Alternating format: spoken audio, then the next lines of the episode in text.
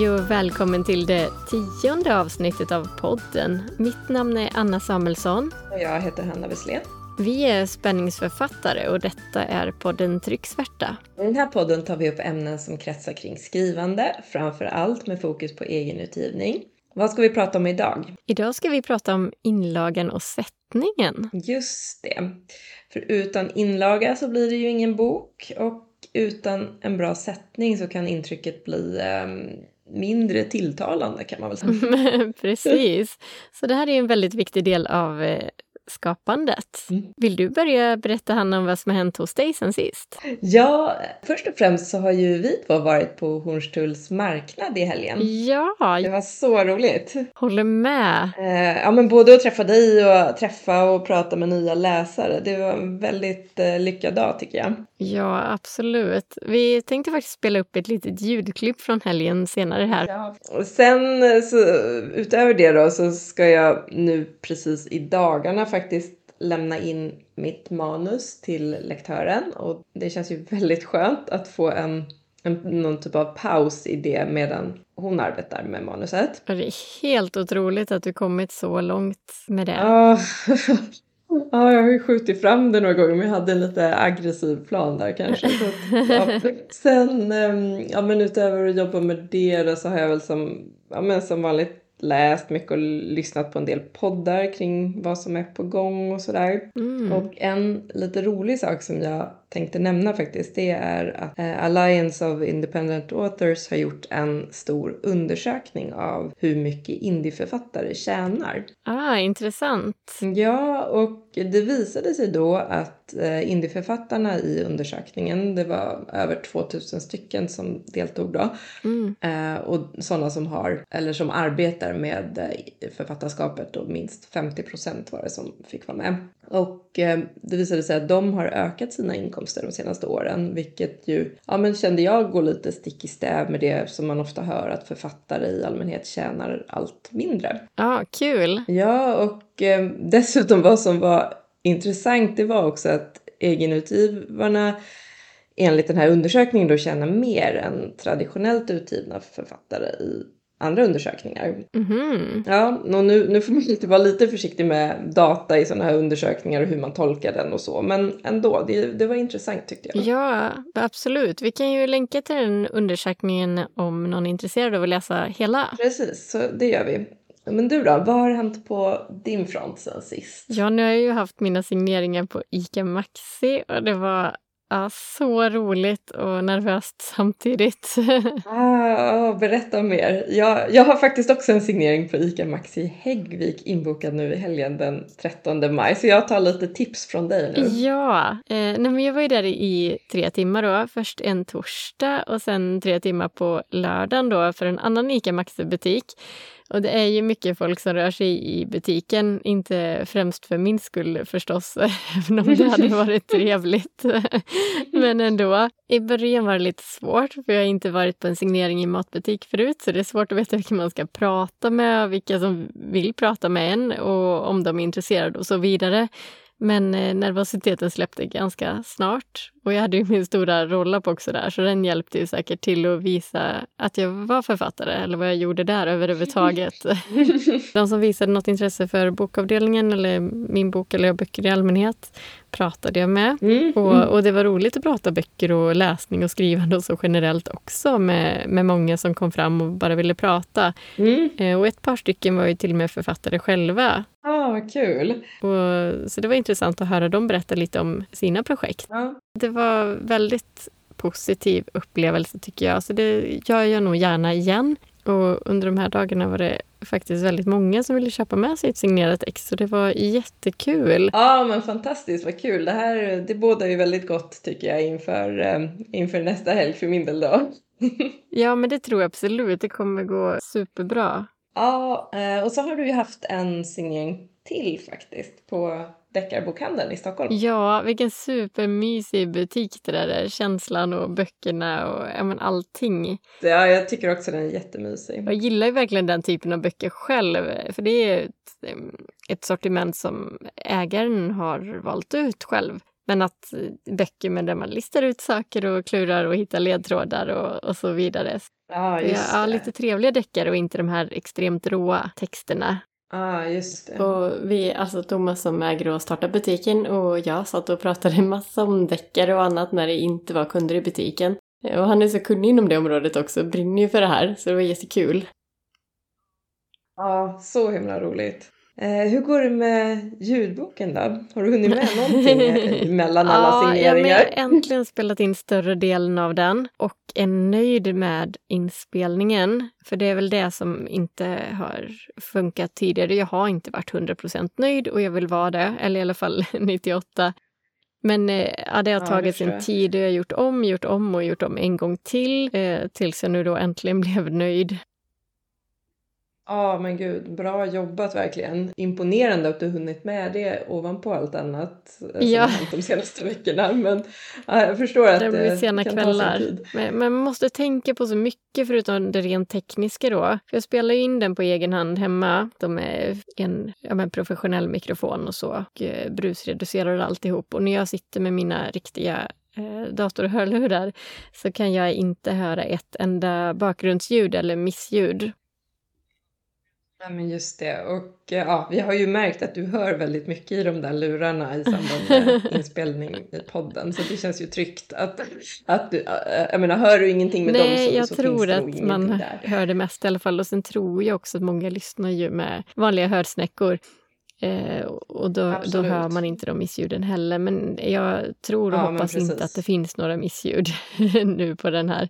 Men det är så mycket med betoning, röster, ja men tusen andra saker som är så viktigt. Men eh, vi kommer ju ha ett ljudboksavsnitt senare där vi går igenom det här. Så ja, men lyssna gärna på det. Ja, men precis. Men då har det varit ett antal kvällar nu då, alltså där Ja, har suttit med Så nu är jag nästan hela inläst men inte redigerad och det tar ju längre tid än att läsa in den. Men eh, det här har i alla fall fått gå före skrivandet just nu, tyvärr. För vill ju gärna skriva också, men samtidigt få klart ljudboken innan sommaren. Ja, ja, men jag tror det är rätt att prioritera en sak i taget. Tiden är ju liksom verkligen begränsad. Jag tror man får sikta in sig på, på en grej som man verkligen gör. Annars blir man bara för Ja, för det är nog så. Eh, men vi måste ju berätta lite mer nu om vår gemensamma söndag på Hornstulls marknad också. Ja, ska vi köra Ja, det gör vi. ljudklippet? Ja, nu står vi här på Hornstulls marknad. Eh, Vi har precis dragit igång.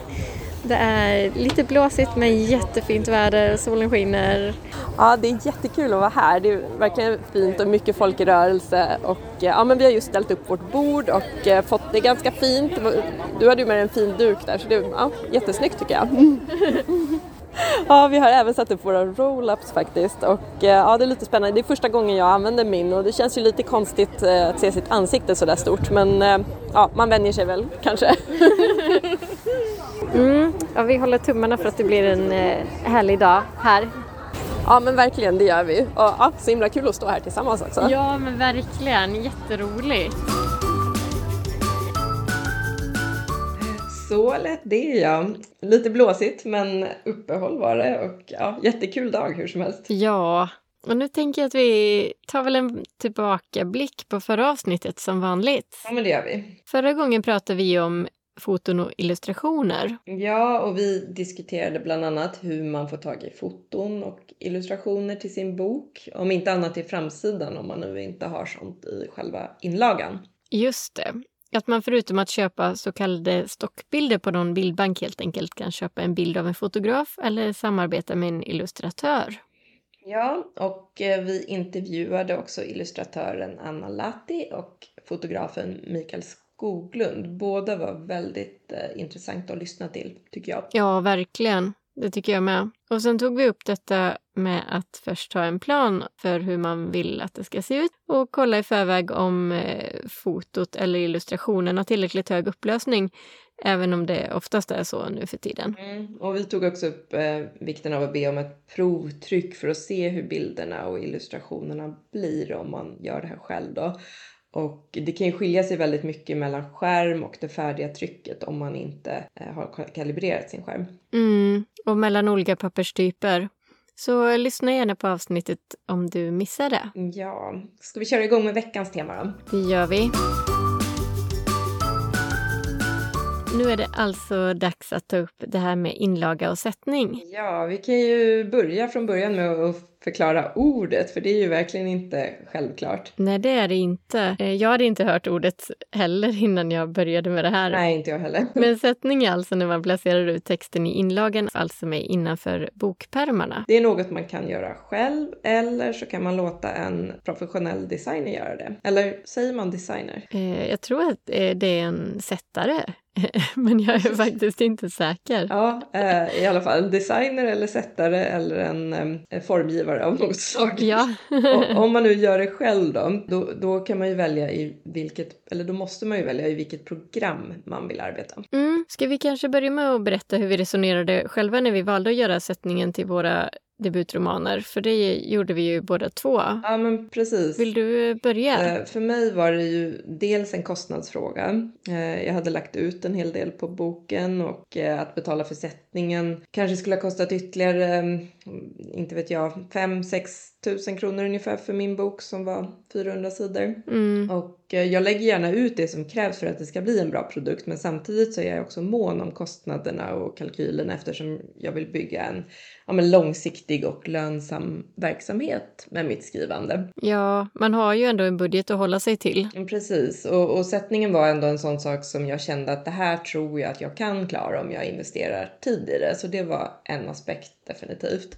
Och det andra är ju att jag tycker faktiskt att det är en bra chans att arbeta ytterligare med texten. Det blev som en extra korrektur eller vad mm. man ska säga nästan eftersom man upptäcker nya saker under sättningsarbetet. Ja, det håller jag med om. Verkligen. Hur, hur, tänkte du? Ja, men ungefär likadant. För när jag läste om det i början, hur man skulle jobba in Indesign då, som jag arbetade med, eh, så kändes det helt omöjligt i början. Ja. För det var så mycket inställningar. Men sen hittade jag rätt då och, och då gick det ju hyfsat enkelt när man väl hade kommit igång. Mm. Men det känns spontant enklare med inlagan också än omslag till exempel, tycker jag, om man ska göra det själv. Ja, alltså för mig kändes det ju absolut så. Jag valde ju att inte göra omslaget själv för jag kände att det, det fixar inte jag tillräckligt bra mm. eller det kommer, ta, det kommer vara för svårt för mig.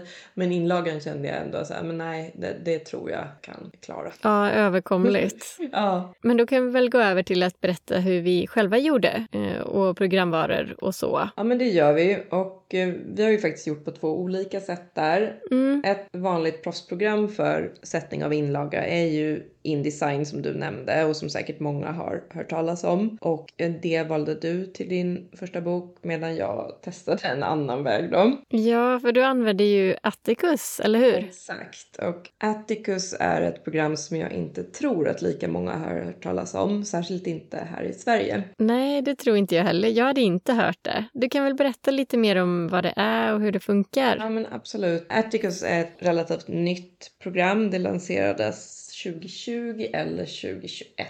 Eh, och jag hörde talas om det på en podcast som jag lyssnade på. Jag kommer inte ihåg nu om det var The Creative Pen eller om det kanske var Self Publishing Show eller något annat. Det var inte en svensk podd i alla fall. Nej. Och Atticus då är särskilt framtaget av indieförfattare för indieförfattare. Och eh, främst i USA då förmodligen, eller det är därifrån det kommer. ja. Eh, och där och även i UK så är det ju som vi har varit inne på tidigare betydligt större det här med egenutgivning och eh, indieförfattarskap. Ja, precis. Ja, och när jag hörde talas om programmet på den här podden då så blev jag nyfiken och tog reda på mer om det och det kan användas både för att skriva manuset och för att sätta inlagan till den tryckta boken och för att göra e-pub till e-boken då.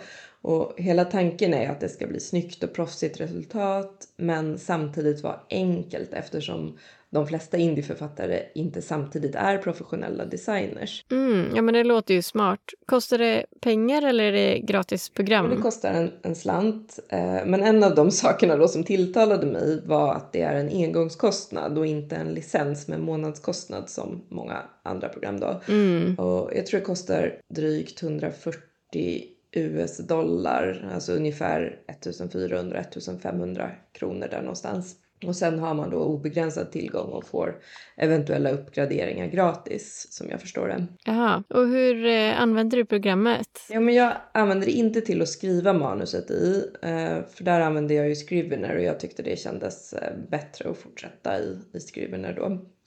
Men sen så var det väldigt lätt att importera arbetet från Scrivener till Atticus.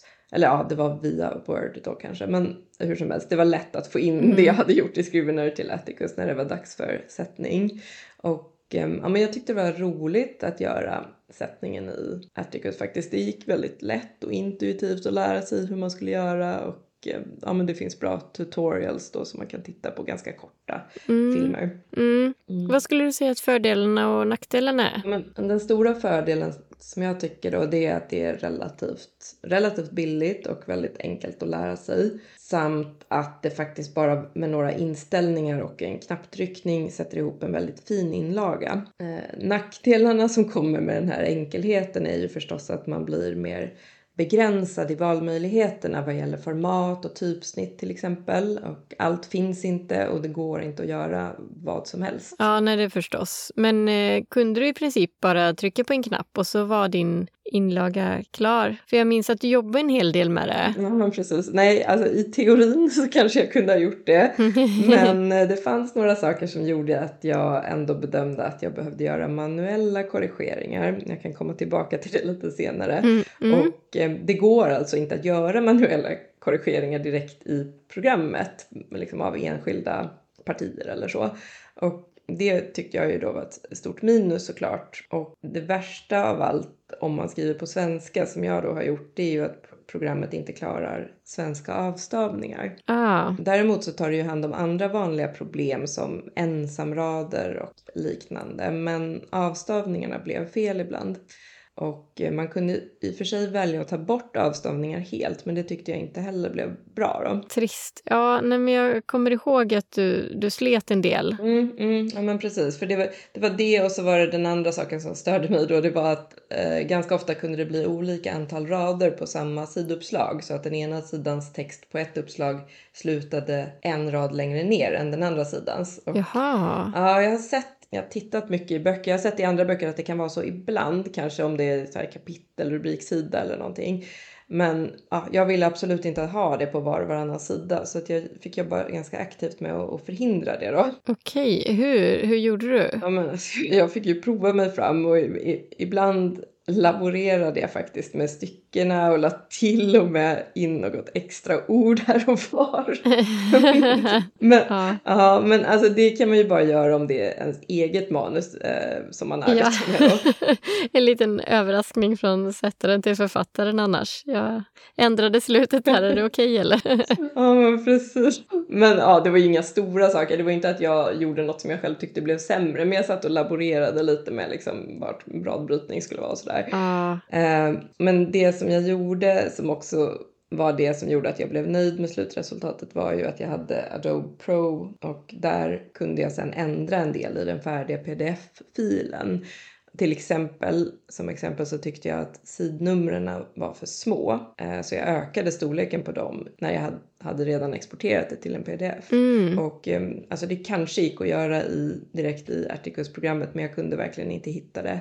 Och, eh, och så var det någon annan grej att jag bestämde att all text som såg ut på ett visst sätt skulle flyttas fem steg uppåt och så vidare. Det var en del sådana små korrigeringar som jag gjorde i pdf-en direkt. Ja, just det. Men skulle du ha gjort det i Atticus även om du inte hade haft tillgång till Adobe Pro, tror du? Ja, det är en bra fråga. Nej, det, nej, jag vågar inte svara. Som jag arbetade nu skulle det inte ha funkat. Sen hittade jag ju lite så hacks och sånt på slutet som jag kom på att man kunde göra som inte kanske var liksom meningen att man skulle göra. Så att kanske med dem och den vanliga Adobe gratisversionen kanske hade gått faktiskt. Men så som jag jobbade nu så skulle det inte ha funkat för nu gjorde jag ju mycket avstavningar i Adobe också. Mm, mm. Och ehm, ja, det, som jag sa, det var liksom först när jag hade jobbat igenom hela manuset nästan kom jag på hur, hur man kan fixa de flesta av avstavningarna direkt i programmet genom att liksom, ja, men i princip skriva in dem manuellt. Men det kommer jag ha nytta av nästa bok. Men nu så jag fick korrigera det direkt i,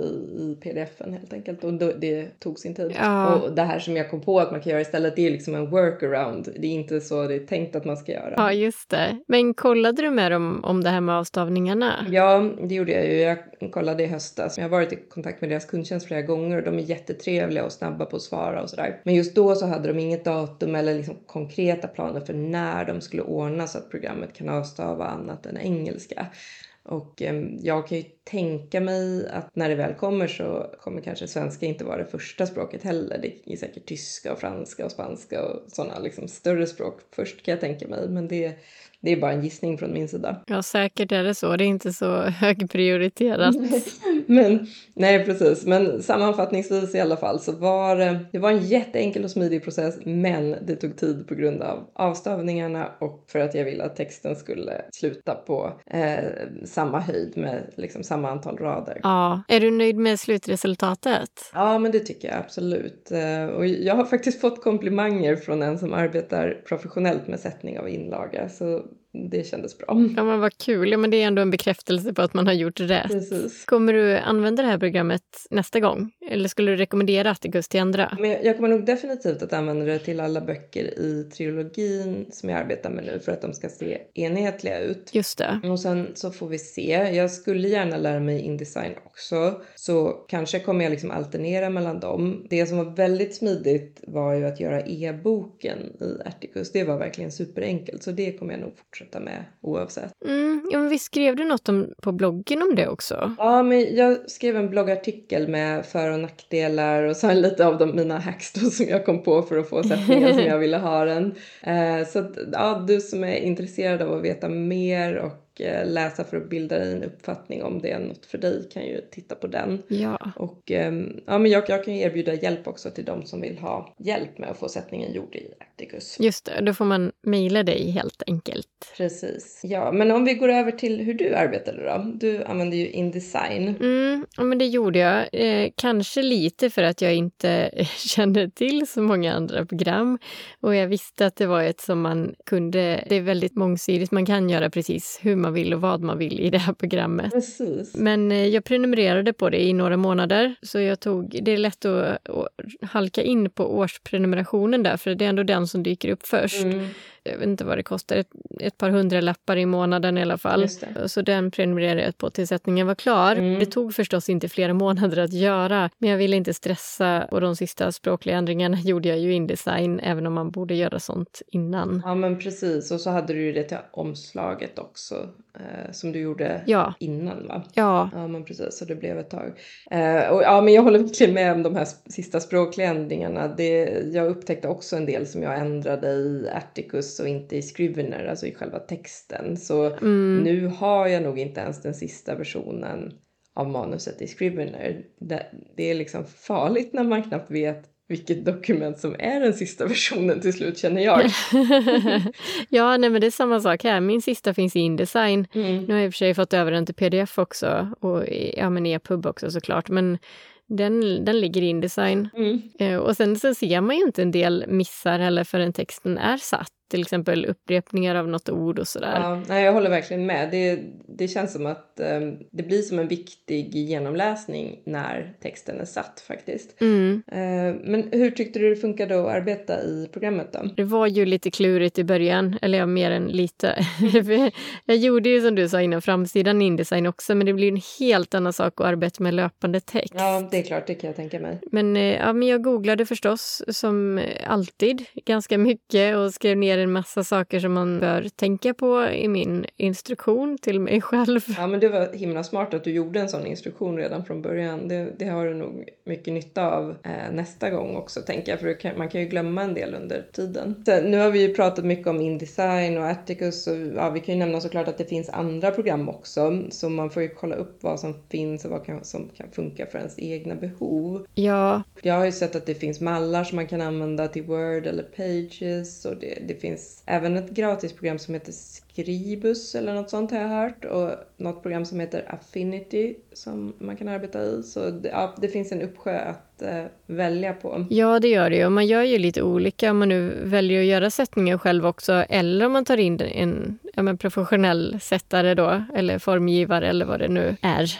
Ja, ja precis. Ja, det fin finns ju inget rätt och fel där. Det är ju helt beroende på vad man föredrar tycker jag. Mm. En annan fördel utöver det här med kostnad och att man får en chans att arbeta med texten det är ju att man kan ändra sen om man vill trycka en upplaga till, till exempel om den första tar slut. Mm. Mm, man kanske dels vill ändra om det är något litet stavfel eller så som har uppdagats i första boken.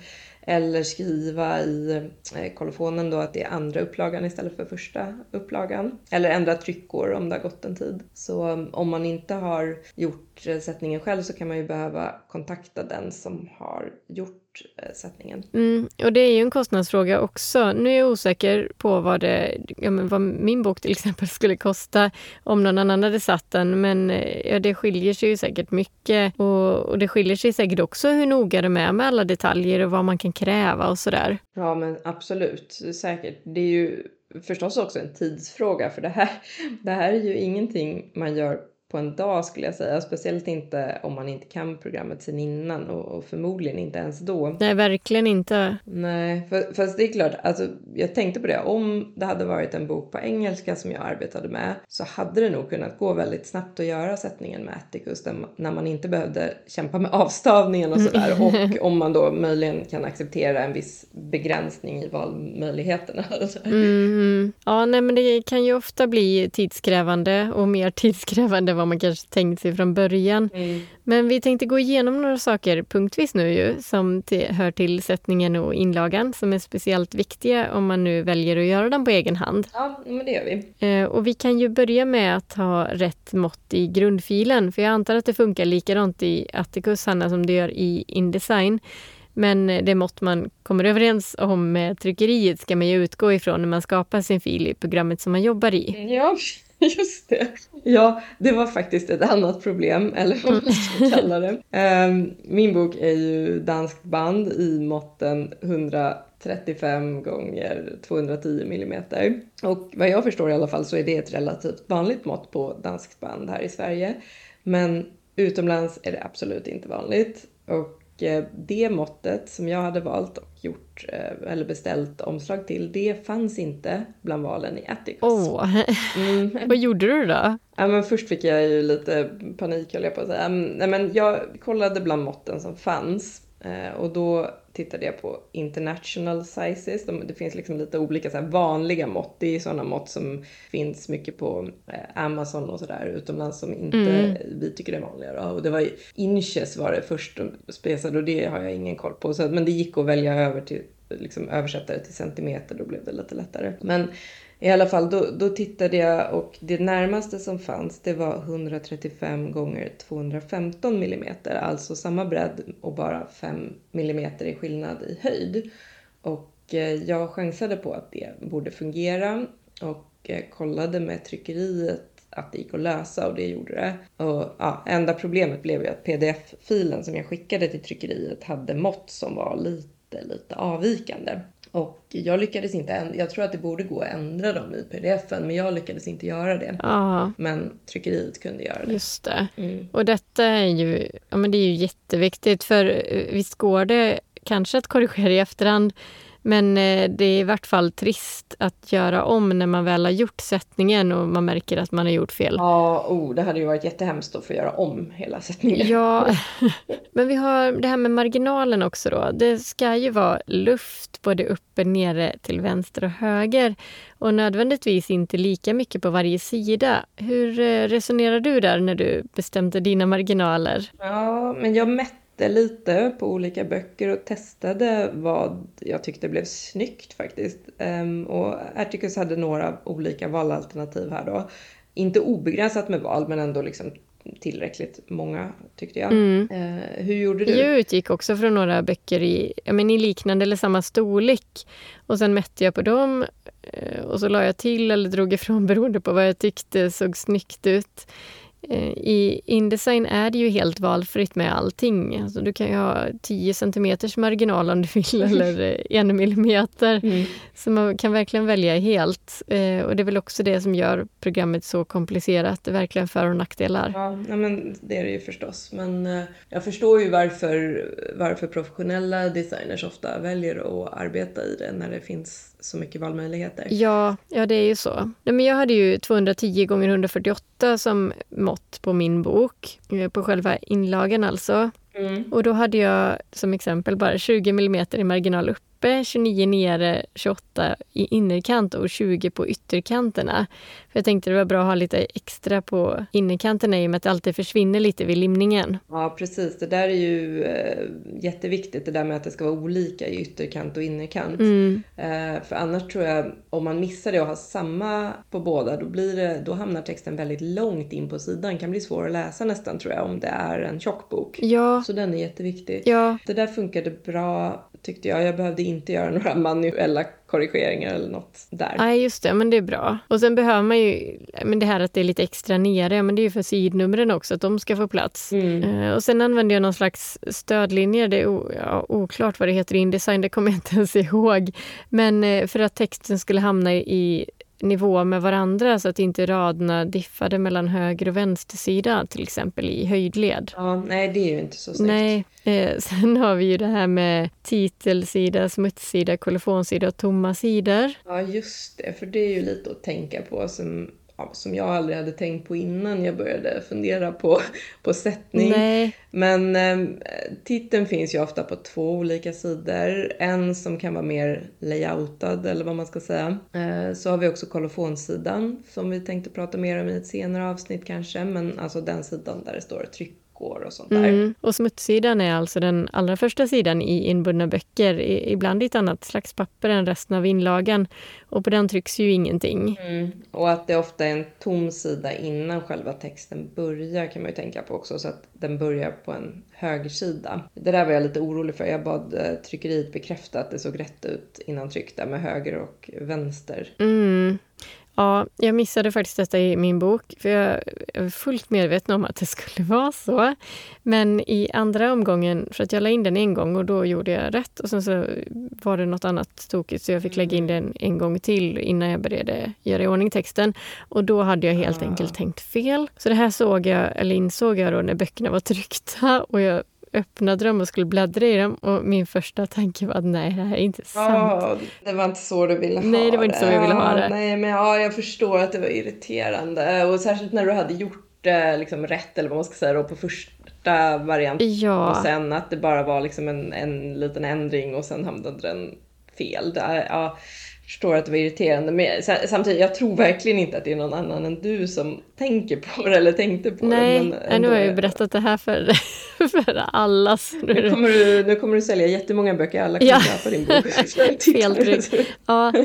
ja men det, alltså, det är så himla mycket att ta hänsyn till och väldigt, väldigt lätt att missa några av alla saker. Ja, och hur som helst, det är ju bra att kolla i valfri bok generellt då i bokhyllan och se hur det ser ut, var titelsidorna finns, var kolofonen finns och sen höra också med tryckeriet om man är osäker på hur det borde se ut och vilka sidnummer den borde börja på och sådär. Mm. Mm, det är ett bra tips tror jag. För att de, ja, men för att de inte har sidnummer i början. Mm. Ska, vi, ska vi gå vidare till det här med typsnitt kanske? Ja. Uh, I inlagan då.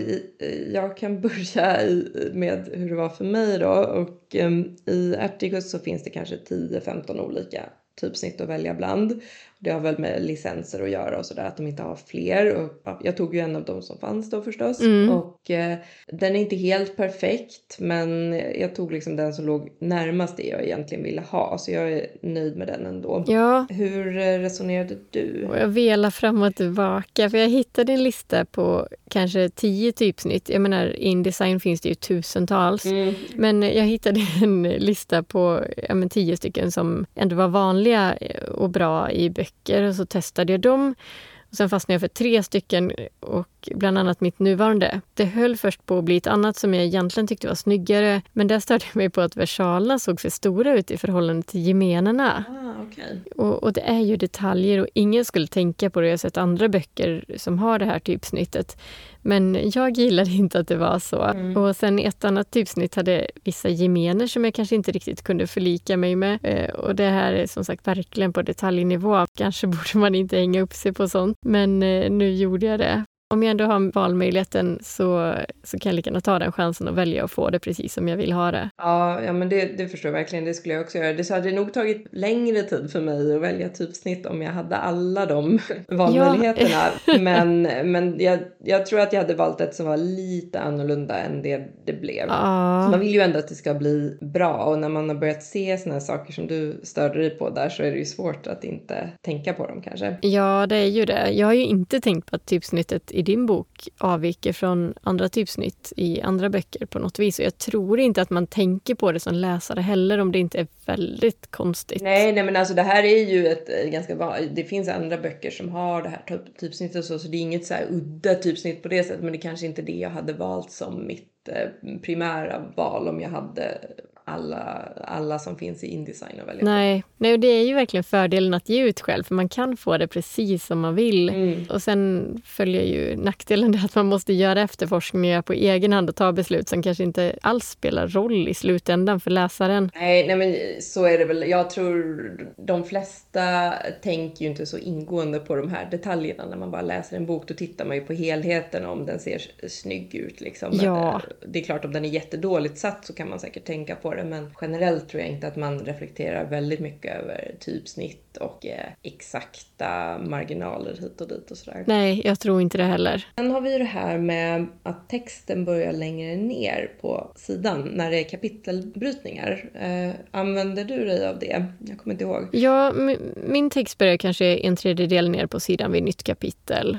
Då är själva texten, inte kapitelrubriker eller så, utan själva texten. Ja, men just det. Ja, det är nog ungefär samma här. Det känns ju bra med lite luft där och det är ju väldigt vanligt i, i böcker att det är så. Mm. Där hade inte jag så mycket valmöjlighet utan den börjar ganska långt ner när det är nytt kapitel då i Atticus. Eh, jag har för mig att jag faktiskt flyttade upp texten eller om det var själva rubriken några hack sen manuellt för jag tyckte att det var lite snyggare. Men, men den, den, ja, den sitter ganska långt ner. Mm. Och du har ju sådana här små tecken också vid tidshopp inuti själva kapitlen. Mm. får du gärna berätta mer om och hur du fick dit dem. Ja, de gillar jag. Det var en, en fin grej i programmet som jag använde. Och Eh, de här flurparna, eller vad man ska, de här små tecknen då, de kallas i programmet i alla fall så kallas de ornamental breaks. Och det fanns ett gäng olika sådana tecken att välja mellan, eller symboler eller vad man ska kalla det. Och eh, då kunde man välja vilken man ville ha och hur stor den skulle vara och sen var det bara att eh, trycka in dem där man ville ha dem. Ah, ja, men roligt att det finns inbyggt. Mm. Det är ju ändå sånt som, eller man använder ju ändå de här ibland om man skriver på ett sätt där man gör tidshopp i kapitel. Ja. Sen har vi ju det här med utelämningspunkterna också, tre punkter på rad. Mm. Eh, och de fick jag rätta till och söka ut alla i texten för att se att de var lite isärdragna och inte lika tätt som tre vanliga punkter. Och det sker ju ofta med automatik i Word. Men jag tror att om man skrev dit något i Indesign så kanske inte de skapades automatiskt. Att det var sånt som jag ändrat i efterhand som inte var korrekt och när texten väl låg i Indesign. Ah, ja, jag förstår. Men eh, sånt går ju som sagt enkelt att söka ut och ersätta. Ja, ja, men det är ju smidigt. Och sen har vi det här med marginaljustering också då. Ja, precis. För man vill ju ofta att texten ska vara rak i både vänster och högerkant, precis som i väldigt många böcker och även tidningsartiklar. Mm. Ja, men det ser ju väldigt snyggt ut. Jag tror det ofta är så på böcker. Ja. I Articus kunde man enkelt välja. Det var liksom en kryssruta tror jag om man ville ha det eller inte. Ja, samma här. I Indesign markerar man hela texten och så väljer man marginaljustering. Men, eh, men då ställer man också in värdena för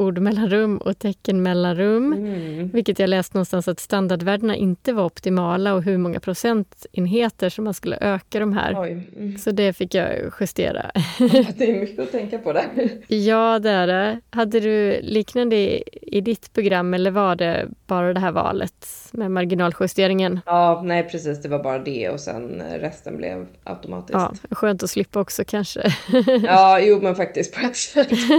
ja, sen så, ja, det, det, sen har vi det här med avstavningar då, som, som jag redan har berättat lite om hur det var för mig då. Ja, just det. Ja, ja men som jag nämnde så, ja, programmet avstavar enligt amerikanska regler och det leder relativt ofta till felaktiga avstavningar på svenska och man kanske tänker att det inte är så farligt men jag provade att läsa och ja, jag skulle definitivt ha reagerat och stört mig på, på det i en bok tror jag. Ja, om det varit felaktiga avstavningar, ja. Mm, jag med. Mm, jag blev lite uppgiven först och tänkte att det kanske liksom inte fungerar att använda det här programmet ändå. Men jag tyckte ju att det i övrigt var väldigt bra och snyggt resultat. Så jag, det var då jag bestämde mig för att, att korrigera manuellt i Adobe Pro när det hade blivit fel helt enkelt. Mm, mm. Hur funkar det med avstavningar i Indesign? Man väljer avstavning i hela dokumentet där eller styckevis. Så jag började välja automatisk avstavning för allt och det funkar hyfsat men ibland blir det tokigt ändå. Man måste justera Eh, men framförallt vid längre sammansatta ord skulle jag säga. Ja just det, ja, men det är ju fördelen med ett sånt mer avancerat program eh, som vi har konstaterat. Fler, fler valmöjligheter. Ja, nej men så det, det funkade bra men en del fick man ju göra för hand och skriva för hand och justera ordmellanrum och teckenmellanrum för att få det på enstaka rader då, för att få det som man ville med avstavningarna mm. och att det mm. skulle se snyggt ut. Jag tänkte förresten att vi skulle ta upp en sån här liten, ja, men extrem liten detalj som kanske bara finns i Indesign men bara för att visa hur mycket man kan nörda ner sig i regler, sättningsregler och det handlar om mellanrum. Ja.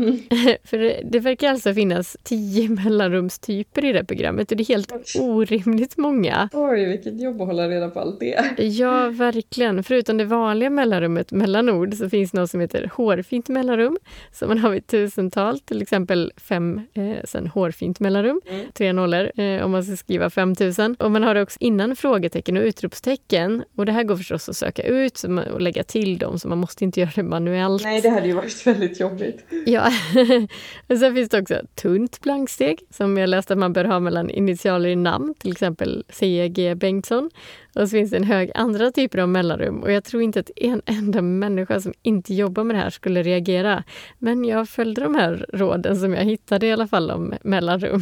Ja, men det förstår jag. Det är ju verkligen det är en hel vetenskap det här. Men, men det måste ju vara samma för dig lite som för mig då, att det, det här kommer ju gå mycket lättare och snabbare nästa gång nu när du väl har lärt dig det och dessutom skrivit din eh, manual. Liksom. Ja, ja, men jag hoppas verkligen det. Och vi kanske kan ta upp några saker som vi själva tänkt på och redigerat bort. Mm, ja, jag funderar om jag har några fler. Alltså i mitt fall så gick det ju inte att göra några manuella korrigeringar av enstaka partier eller så inne i programmet. Utan valen i Atticus, det består liksom mer av kryssrutor och rullgardinsmenyer och, och liknande. Mm. Så det jag ändrade manuellt senare, det handlade som jag sa om ja, förstora sidnumren, flytta texten lite i höjdled på vissa sidor och eh, kapitelrubrikerna som jag sa också justerade jag lite i höjdled. Men det gjorde jag sen i, ja, direkt i pdfen, inte i programmet. Just det. Ett viktigt tips är ju att kolla efter ensamrader för man bör inte ha så kallat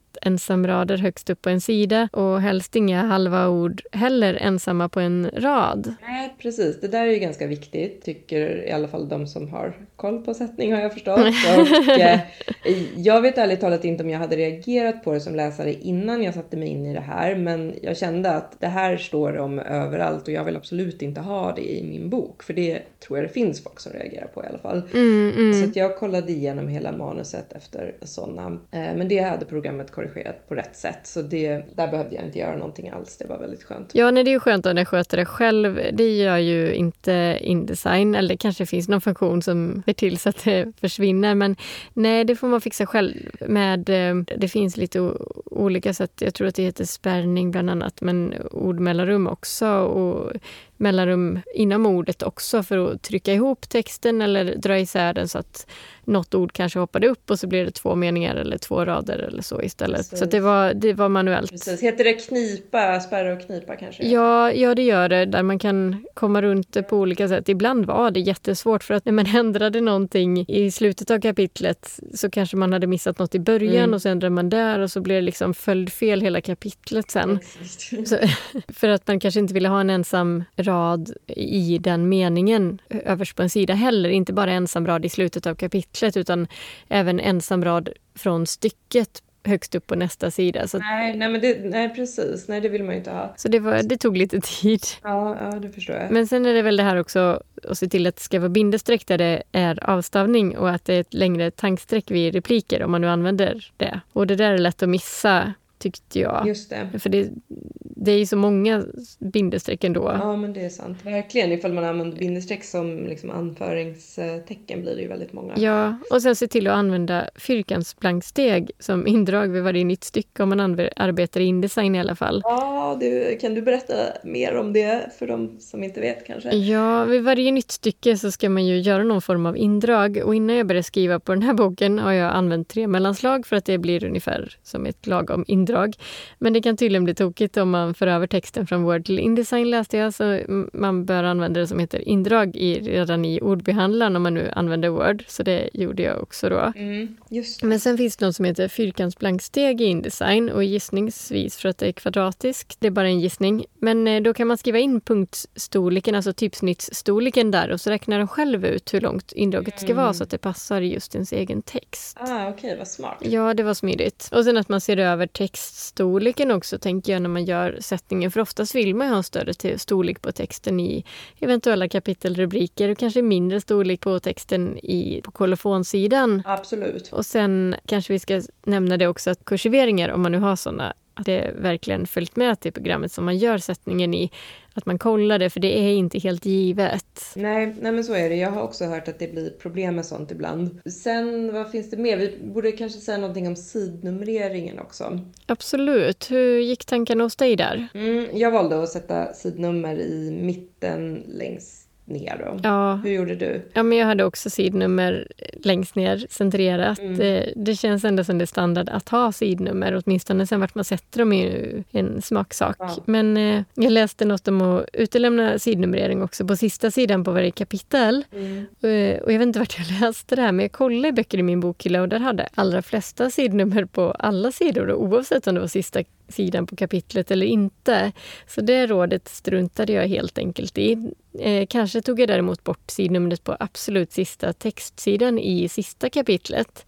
Det minns jag inte riktigt. Ja, men jag kommer ihåg att vi höll på att prata om det där och att jag också letade i min bokhylla Ja. och vi liksom noterade att ja, men de flesta böcker har faktiskt sidnummer även på sista sidan i kapitlet. Men jag har också för mig däremot sista sidan i hela boken, eller sista sidan, sista kapitlet. Där tror jag att jag också tog bort det och det, så tyckte jag att det var på de flesta böcker jag tittade på. Ja, Men eh, de flesta jag tittade i hade, hade kvar sidnumret på sista sidan där i ett vanligt kapitel. Så det verkar vara lite olika hur man gör kan man väl säga. ja, verkligen. Just det, sen ska vi väl nämna också att man bör ju ta bort sidnumreringen på till exempel kolofonsidan och titelsidorna och sådär. Just det, för det kanske inte ser så snyggt ut. Mm. Och även här är det ju bra att jämföra med böcker i bokhyllan hemma och se hur andra har gjort och vad man själv tycker blir snyggt. Ja, det är absolut bra att göra. Mm, men eh, nu är det snart dags att- att runda av. Ja, det är det. Vad är ditt bästa tips när det gäller inlagan, Hanna? Ja, det är nog att, eh, ja, men att överväga om man helst lägger av sin tid för att lära sig göra det här själv. Eller om man hellre spar sin egen tid och betalar någon annan för att göra det. Eh, oavsett så tycker jag att man ska se det som en viktig del för att få fram en snygg produkt och inte hafsa igenom det eller underskatta arbetet. Ja, mycket klokt. För det syns ju om det är ja, men dåligt eller slarvigt då gjort. I- Och jag tror också att det är värt att lägga några extra timmar på, på jobbet, eller några extra dagar är det snarare än timmar. Eh, eller leja bort det då till någon som kan arbetet. Ja, ja. Va- vad är ditt bästa tips? Men det är nog att lära sig programmet i tid. Om, om det är mer komplicerat program som Indesign till exempel så kan man inte börja kvällen innan och försöka lära sig det om man aldrig har jobbat i, i Adobe-programmet förut. Mm. Och om man nu vill göra sättningen på egen hand och har en deadline, då är det inte kul att sitta hela nätterna och slita med hur man gör indrag eller hur man justerar marginalerna på alla sidor samtidigt. Plus att eh, justera sin egen text Nej, då. Nej verkligen inte. Det låter som en mardröm. Eh, och sen ett annat tips är ju att arbeta med styckeformat om man arbetar i Indesign i alla fall, för det är helt ovärderligt. Vi tog inte upp det i själva avsnittet nu, men det går ju att googla sig till precis hur man gör och så. Och det funkar lite som i Word där man kan ändra format på en större del eller hela texten samtidigt. Istället för att ändra enskilda ord eller meningar så kan man liksom ändra ja, alla kapitelrubriker samtidigt. Så det sparar enormt mycket tid om man plötsligt kommer på att man till exempel vill ha ett annat typsnitt på alla rubriker eller indrag, större indrag på stycken eller vad det nu kan vara. Ja, ja men det är ett jättebra tips. Ja, och om du som lyssnar har idéer eller tankar kring det här med inlaga och sättning så hör gärna av dig. Ja. Så tar vi upp det i nästa avsnitt. Ja, gör det. Och med det då så är det här avsnittet nästan slut för den här gången. Vi kanske ska berätta om vad vi ska prata om nästa gång. Ja, det gör vi. Nästa gång ska vi diskutera vad en bokutgivning kostar, för det är ju inte gratis att ge ut en bok. Så är det. Ingenting är gratis. Nej, precis. Ja, och vi har ju faktiskt en gäst i nästa avsnitt. Det är ju författaren Kristina Svensson som vi ska intervjua. Ja, det ser jag verkligen fram emot. Ja, det ska bli väldigt roligt. Så lyssna gärna på även nästa avsnitt. Om du undrar över något som vi pratar om idag eller kanske har frågor så skriv gärna till oss på podden trycksvarta.gmail.com eller på Instagram där vi också heter podden trycksvarta. Just det. Och vi har ju förresten ett nyhetsbrev också som du gärna får prenumerera på. Då får du också våra 30 bästa skrivtips och fem skrivövningar som vi satt ihop. Och eh, prenumerera gör du enklast genom att trycka på länken på någon av våra hemsidor eller på poddens hemsida på Podbean. Precis. Och hoppas att du som lyssnat har fått med dig många tips kring inlaga och sättning. Du har lyssnat på podden Trycksvärta med mig, Anna Samuelsson. Nej, Hanna Wesslén. Vi hörs igen om två veckor. Ha det fint till dess.